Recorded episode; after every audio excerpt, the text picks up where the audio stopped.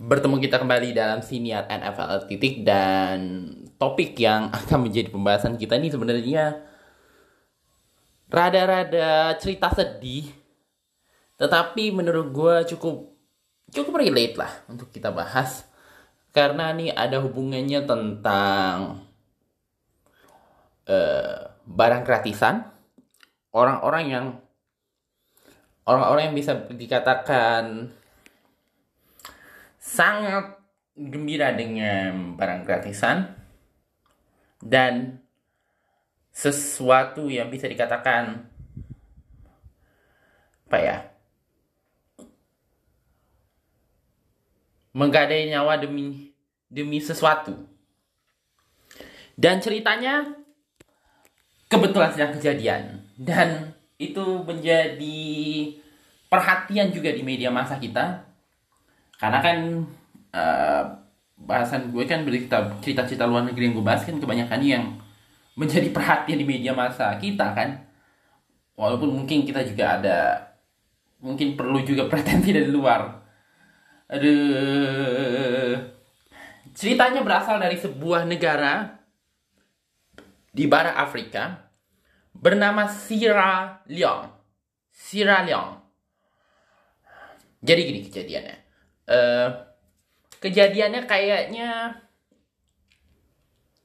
ada ya semingguan kurang lebih ku, maksud gue kurang lebih seminggu dari dari hari kejadian. Sekarang ini hari Rabu kejadiannya di Jumat malam.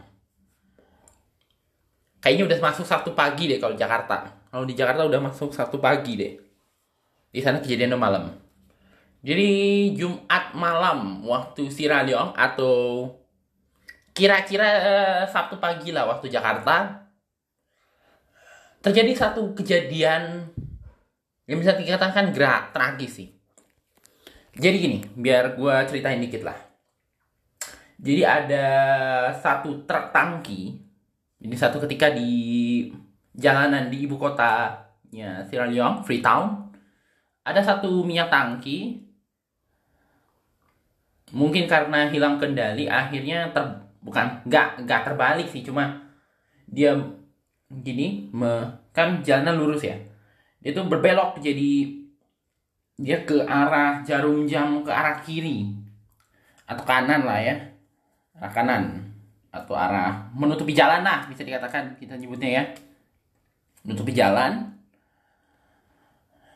terus nyangkut di tengah tembok pembatas jalan. Apa tuh namanya? Gue nggak tahu lagi. Yang jelas pembatas jalan antara jalur pergi dan jalur pulang lah. Nah waktu mereka berusaha mau keluar maksudnya mau kembali ke track back on track back on track truk tangki minyak ini ditabrak dari arah dari arah berlawanan tepatnya oleh truk pengangkut batu. Atau kalau nggak kayaknya pengangkut pasir atau ya batu-batuan lah gitu ya. E, batu-batuan yang sering dipakai buat buat proyek buat bangun rumah buat lu bayangin sendiri deh. Bingung. Yang jelas ditabrak lah ditabrak gitu bruk oleh truk itu nah di tengah-tengah itu, warga pada berkerumun, warga Freetown. Kebanyakannya di situ pedagang, eh, warga-warga, atau bisa jadi juga mereka yang lagi melintas, eh, mungkin kehalang, kealing sama truk yang uh, kandas di arah dua jalan ini, tengah jalan ini. Nah, nah bah kurang lebih kayaknya ada ratusan orang itu pada pada menghubungi uh, truk tangki BBM. Uh, Dengar-dengar katanya uh, minyak yang ada di dalam tangki itu bocor. Berebut dong pada pada pada saling berebut untuk dapetin uh, minyak kan. Namanya juga barang udah susah untuk dijual kalau udah keadaan kayak gitu. Nah ditambah lagi bocor. Ya bisa diambil gitu kan. Apa ya istilahnya? Barang gratis gitu loh ya. Barang gratis. Dalam tanda kutip. Padahal ngambil kayak gitu juga termasuk pelanggaran hukum sebenarnya. Gue nggak tahu hukum di Sierra Leone macam mana. Uh, yang jelas uh, ada ratusan warga ngambil minyak. Tapi kan ya tapi kan yang namanya barang minyak ya uh, tertangki minyak ya tuh dia bawa bahan bakar kan. Kalau misalnya ditabrak gitu ya bro gitu. Masih kalau nggak ditangani dengan bagus gak cepet-cepet uh, diiniin. Bisa bisa jadi bencana gitu yang namanya juga tertangki minyak. Kalau nggak salah, sebenarnya fakta juga sih ini. Ini untuk FYI aja. Uh, truk tangki minyak, peng, uh, tangki pengangkut minyak lebih tepatnya, BBM, minyak kelapa sawit, uh, bahan kimia, uh, bahan-bahan gas, ya, pengangkut. Ada juga tuh yang tangki berisi gas. Itu termasuk dalam kelompok kendaraan berisi limbah cair Nah, limbah cair ini nggak boleh nggak boleh terlalu rapat. Rapat lagi. Terlalu rapat. Terlalu rapat. Susah. Ya, terlalu terlalu rapat kita kendaraan itu. Kita nggak boleh terlalu dekat gitulah istilahnya dengan kendaraan itu karena dia termasuk benda berbahaya dan mudah terbakar. Ya kan? Misalnya kita golf gini aja. Kalau misalnya cuma kena besi yang buat yang buat penopangnya tangki itu sih nggak apa-apa. Tapi kalau udah sampai ke tangkinya eh udah. Udah deh. Karena dia termasuk tangki berbahaya atau kendaraan yang mengangkut barang yang mudah terbakar ya pasti pasti harusnya dihindari dong. Tapi namanya manusia kan kalau ngeliat barang yang berharga pasti mata tuh udah gelap aja. Bawaannya udah gelap aja nggak apa sih namanya? Buta pandangan. Entahlah bahasanya. Yang jelas gelap mata. Ah sama sih. Gelap mata. Manusia ini kadang-kadang gelap mata ya kalau lihat sesuatu yang berharga gitu dalam tanda kutip berharga. Itu pasti pasti bawaannya pengen aku harus dapatkan ini. Gitu kan. Nah ada ratusan. Tapi gak lama selepas itu ya gak lama selepas semua pada berkerumun itu tiba-tiba karena kan ditabrak kan dari truk sama truk pengangkut pasir. Pasti keosan kan? Apa apa tuh namanya? Apa sih namanya tuh? Istilahnya besi ketemu besi lah gitu. Pasti chaos kan? Chaos meletup lah. Meledak itu. Uh, tangki minyaknya itu meledak keluar api, wah panik dong orang-orang. Tapi kebanyakan yang rasanya sih kebanyakan yang pada di situ gak sempat menyelamatkan diri. Ya sudahlah, terbakar hidup-hidup. Uh, dari malam akhirnya sampai pagi kebakarannya bisa dipadamkan paginya. Uh, menurut laporan yang uh, gue baca di beberapa situs, di antara gue baca, sorry, uh, di antara gue baca di kumparan juga gue baca eh, dilaporkan sekitar eh, 100 lebih orang meninggal dunia. Kebanyakannya karena ya tadi gue bilang kebanyakannya ditemukan di depan di dekat lokasi kebakaran. Ya sudah terbakar hidup-hidup ya. Ya mas. Mati terbakar mati terbakar ada juga yang luka-luka ada ratusan juga. Dan dikhawatirkan ini menurut informasi per pada saat kejadian itu korban diyakini akan bertambah karena banyak yang kritis. Dalam situasi kritis maksudnya koma gitu ya. Koma. Ya iyalah uh, berjam-jam di bawah jilatan api kan. Pasti mengganggu apa ya organ-organ syaraf yang lain karena kena api kan.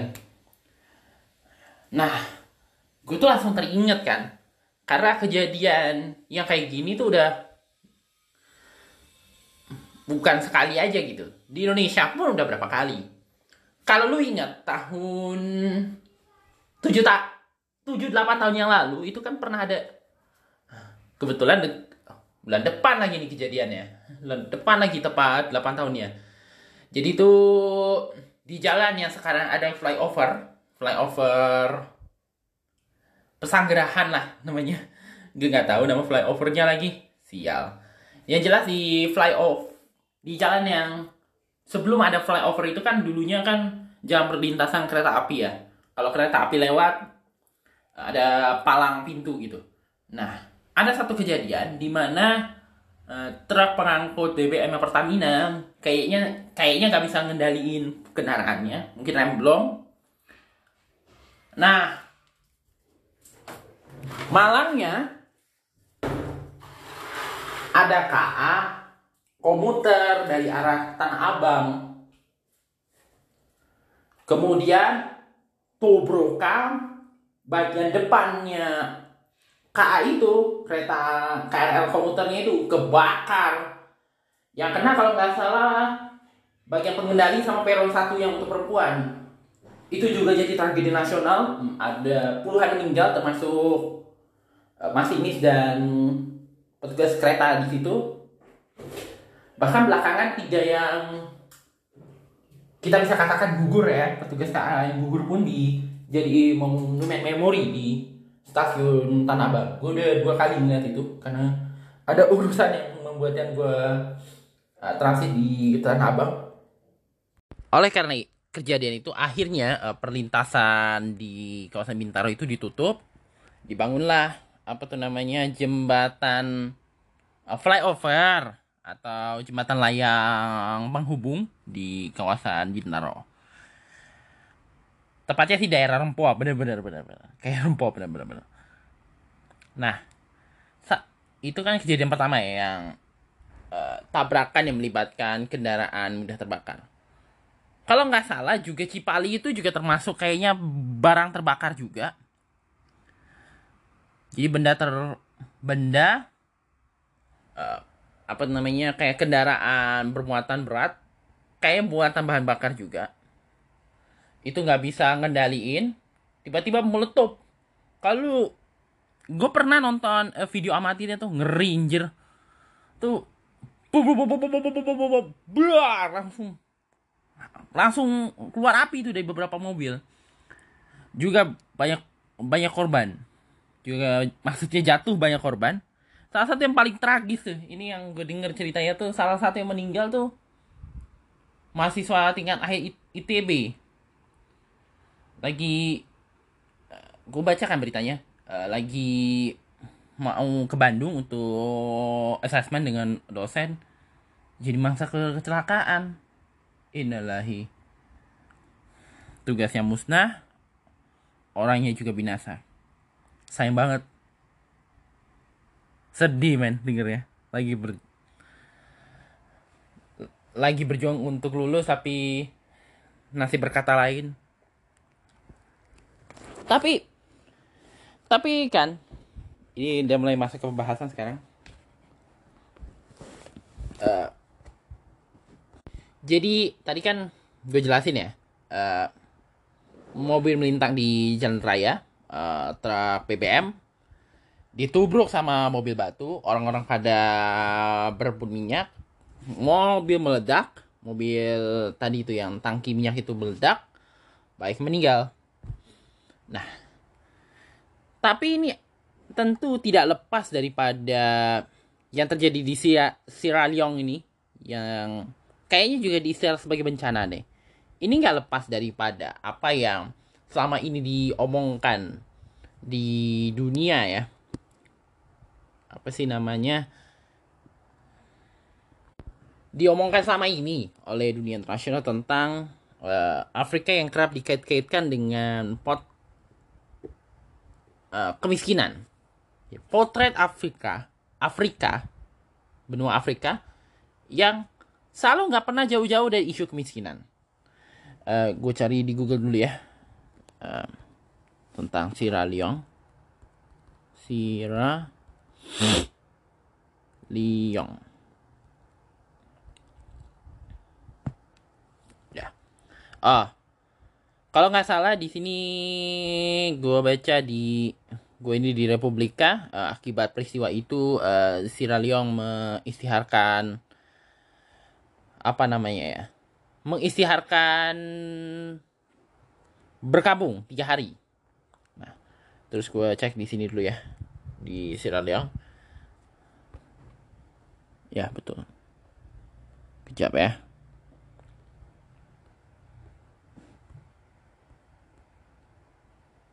demografi. Kita cek di demografinya Sierra Leone. Belum dibuat. Gila. Yang jelas, uh, seperti yang kita tahu bahwa uh, Afrika tuh kerap dikaitkan dengan kemiskinan. Wajah kemiskinan, uh, masalah kelaparan kerap juga terjadi di Afrika.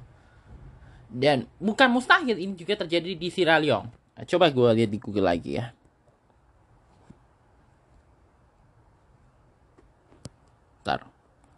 Angka kemiskinan di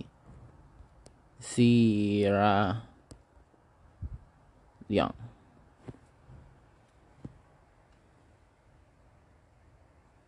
Sebentar. Ini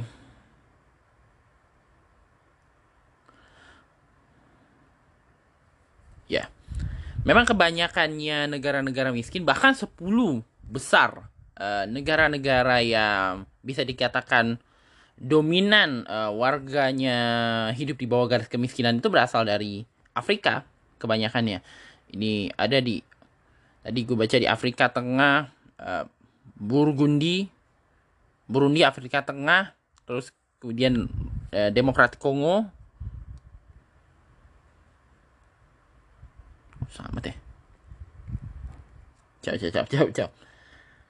Sierra Leone ini ternyata ya benar yang tadi gue bilang Sierra Leone ini termasuk negara yang cukup uh, apa tuh namanya cukup banyak uh, cukup banyak ya uh, masyarakat apa namanya? Yang hidup di bawah garis kemiskinan. Menurut International Monetary Fund, uh, di sini dijelasin bahwa yang jelas uh, apa tuh namanya?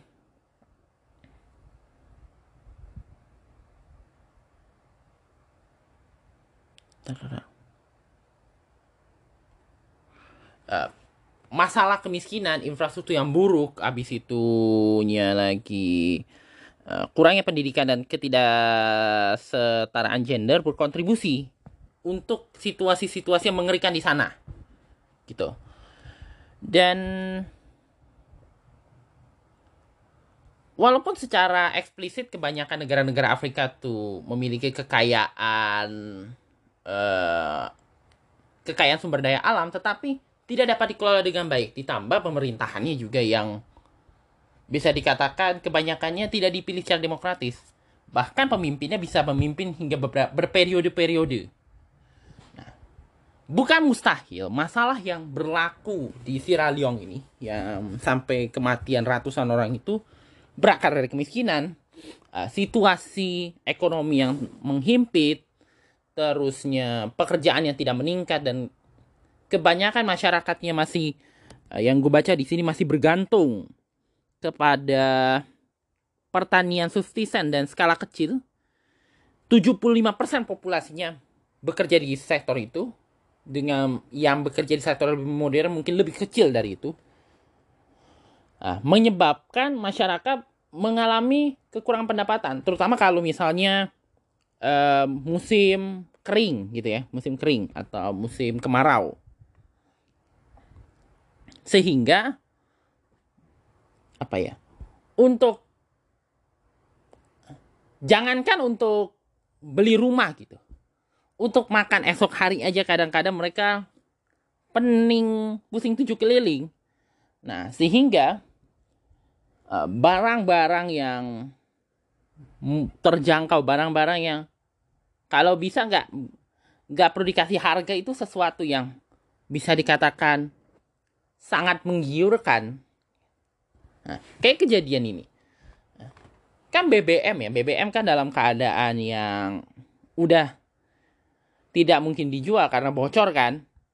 Ya tentu karena barang bocor, terus kemudian tidak ada yang menjaga dan ditambah lagi masa cukup banyak di situ, sehingga banyak yang dalam tanda kutip tergiur untuk apa ya mendapatkan minyak itu, mendapatkan barang cair itu, walaupun ya resikonya lagi-lagi nyawa gitu, nyawa dipertaruhkan gitu. Gue inget uh, satu kejadian dulu tuh tapi udah dulu banget itu. Iya, iya, iya. Kejadiannya di Indonesia, uh, di bulan puasa, uh, yang ibu-ibu, mungkin gue nggak tahu ya. Kayaknya yang generasi sekarang nggak terlalu inget ya. Uh, jadi itu ada ada pembagian kayak pembagian uang gitu. Ada pembagian uang, ada ratusan ibu-ibu oh desek-desek kan sampai dikasih air itu sampai diairin itu biar lega gitu tapi akhirnya jatuh korban sekitar puluhan orang pada saat itu ini ya bisa membuktikan mengkonfirmasi bahwa sesuatu yang menggiurkan itu barang-barang ini adalah gak kisah itu uang bahan mineral makanan. Apalagi ya barang kebutuhan pokok. Ya macam-macam lah yang berhubungan dengan barang-barang yang berharga dalam tanda kutip ya berharga. Ada sesuatu yang diimpikan banyak orang kita pun juga kadang-kadang mengimpikan itu. Tetapi mungkin karena tiadanya kesempatan pekerjaan atau ya malas mau nyari kerja gitu ya. Istilahnya akhirnya tapi impian itu ada di benak sehingga berbagai cara akan pasti akan dilakukan setiap orang untuk melakukan itu. Walaupun sekali lagi taruhannya ada nyawa. Taruhannya mungkin berhadapan hukum dan sebagainya dan sebagainya. Atau mungkin dengan cara-cara yang tidak diizinkan atau baik secara hukum nasional maupun perintah agama. Apalagi kalau barang itu barang gratis. Nah, dalam tanda kutip ada tulisannya gratis. Nah itu udah pasti tuh jadi rebutan. Ka kalau lu sering ke misalnya ya datang ke masjid-masjid atau ke acara-acara setiap Jumat deh. Kita ya laki-laki ya. Setiap Jumat deh datang ke masjid. Pasti ada ini kan uh, kayak ada satu tempat disediakan khusus untuk uh, makanan gratis gitu kan makanan yang dibagikan cuma-cuma untuk jemaah yang hadir di sana. Uh, itu tuh pasti coba tengok kalau habis sholat Jumat. Itu makanan yang emang dibagi-bagiin untuk jemaah ya. Namanya Jumat berkah. Uh, makanan Jumat topi Jumat gitu. Itu pasti jadi rebutan bagi orang-orang. Utamanya sih anak-anak. Walaupun gue cukup yakin sebagian yang berebut itu juga sebenarnya secara uh, mungkin secara tingkatan ekonomi cukup baik sih. Ya. nah semua nggak lepas daripada ketimpangan gitu ya. Uh, ketimpangan baik itu ketimpangan jurang pendapatan jurang kehidupan sosial yang yang terjadi mungkin juga karena kebijakan pem negara yang mungkin tidak ke arah yang sepatutnya itu menyebabkan uh, terkadang hal-hal yang seperti ini boleh terjadi dan itu yang gue banyak pelajari walaupun ya walaupun di Afrika tuh banyak banget beasiswa yang dibagiin untuk mahasiswa-mahasiswa terbaik. Uh, gue kan berapa kali ya, uh, gue sekalian cerita sedikit ya. Di kampus gue tuh ada beberapa mahasiswa Afrika yang uh, ngampus di situ. Ada yang Gambia, ada dari Gambia kalau nggak salah gue inget. Uh, banyak deh dari negara-negara Afrika. Gue ada berapa kali ketemu orang-orang Afrika lah di situ. Salah satunya lulus tahun ini. Kebetulan kenalan temen gue juga. Tapi walau bagaimanapun, orang-orang yang mengalami tak kira itu pendidikannya bisa sampai tinggi gitu. Ataupun pendidikan rendah ataupun ya dia nggak dapat pendidikan sama sekali karena kebijakan negaranya mungkin. Setiap kebijakan negara di Afrika ya agak aneh-aneh. Ya namanya juga dipimpin negara dipimpin oleh pemimpinnya itu itu aja kan dalam tanda kutip. Kalau dia tidak bisa bersiasat gitu ya tetap akan berada dalam situasi yang begitu-begitu aja gitu kan. Ditambah lagi uh, iklim Afrika yang berubah gitu. Efek domino dari pemanasan global. Juga kebijakan negara yang terlalu berutang pada kekuatan kekuatan besar. Kan kita sempat dengar ya cerita beberapa negara Afrika yang terjerat uh, masalah pinjaman yang bunga tinggi dengan beberapa negara termasuk China usaha Afrika untuk keluar dari kemiskinan itu juga harus dibarengi dengan kemauan global untuk membantu gitu. Misalnya membantu kayak WFP lah, membantu dalam mencegah kelaparan atau melindungi situs-situs warisan dari dirusak oleh kelompok-kelompok yang uh, ekstrim dan juga yang tidak kalah penting ekonomi. Nah, beberapa negara Afrika berusaha untuk keluar dari jebakan uh, uh, ketidakmerataan ekonomi. Dan yang dibutuhkan adalah tentu saja kebijakan yang adil dan strategi dunia internasional dalam menghadapi itu. Dan ya kembali lagi gitu kepada negara itu sendiri. Kalau misalnya negara itu demokratis secara politik tapi masalah ketimpangannya masih tinggi ya mereka tentu akan berusaha keras pemerintahnya. Yang dipilih secara demokratis tuh demokratis tuh akan berusaha sekeras mungkin bagaimana caranya e, mendorong e, negara-negara utamanya dari dunia internasional untuk membantu negara mereka keluar daripada jerat ekonomi yang e, membelenggu gitu jerat ekonomi dan masalah ketidakmerataan sosial ini tadi yang sudah membelenggu negara itu. Tapi kalau misalkan negaranya itu totalitarian, ditambah lagi ada perang saudara di situ. Wah, itu susah. Apalagi kalau misalnya efek dari perang itu bisa bertahun-tahun. Uh, kayak Rwanda, kayak Burundi, Afrika Tengah tadi kan.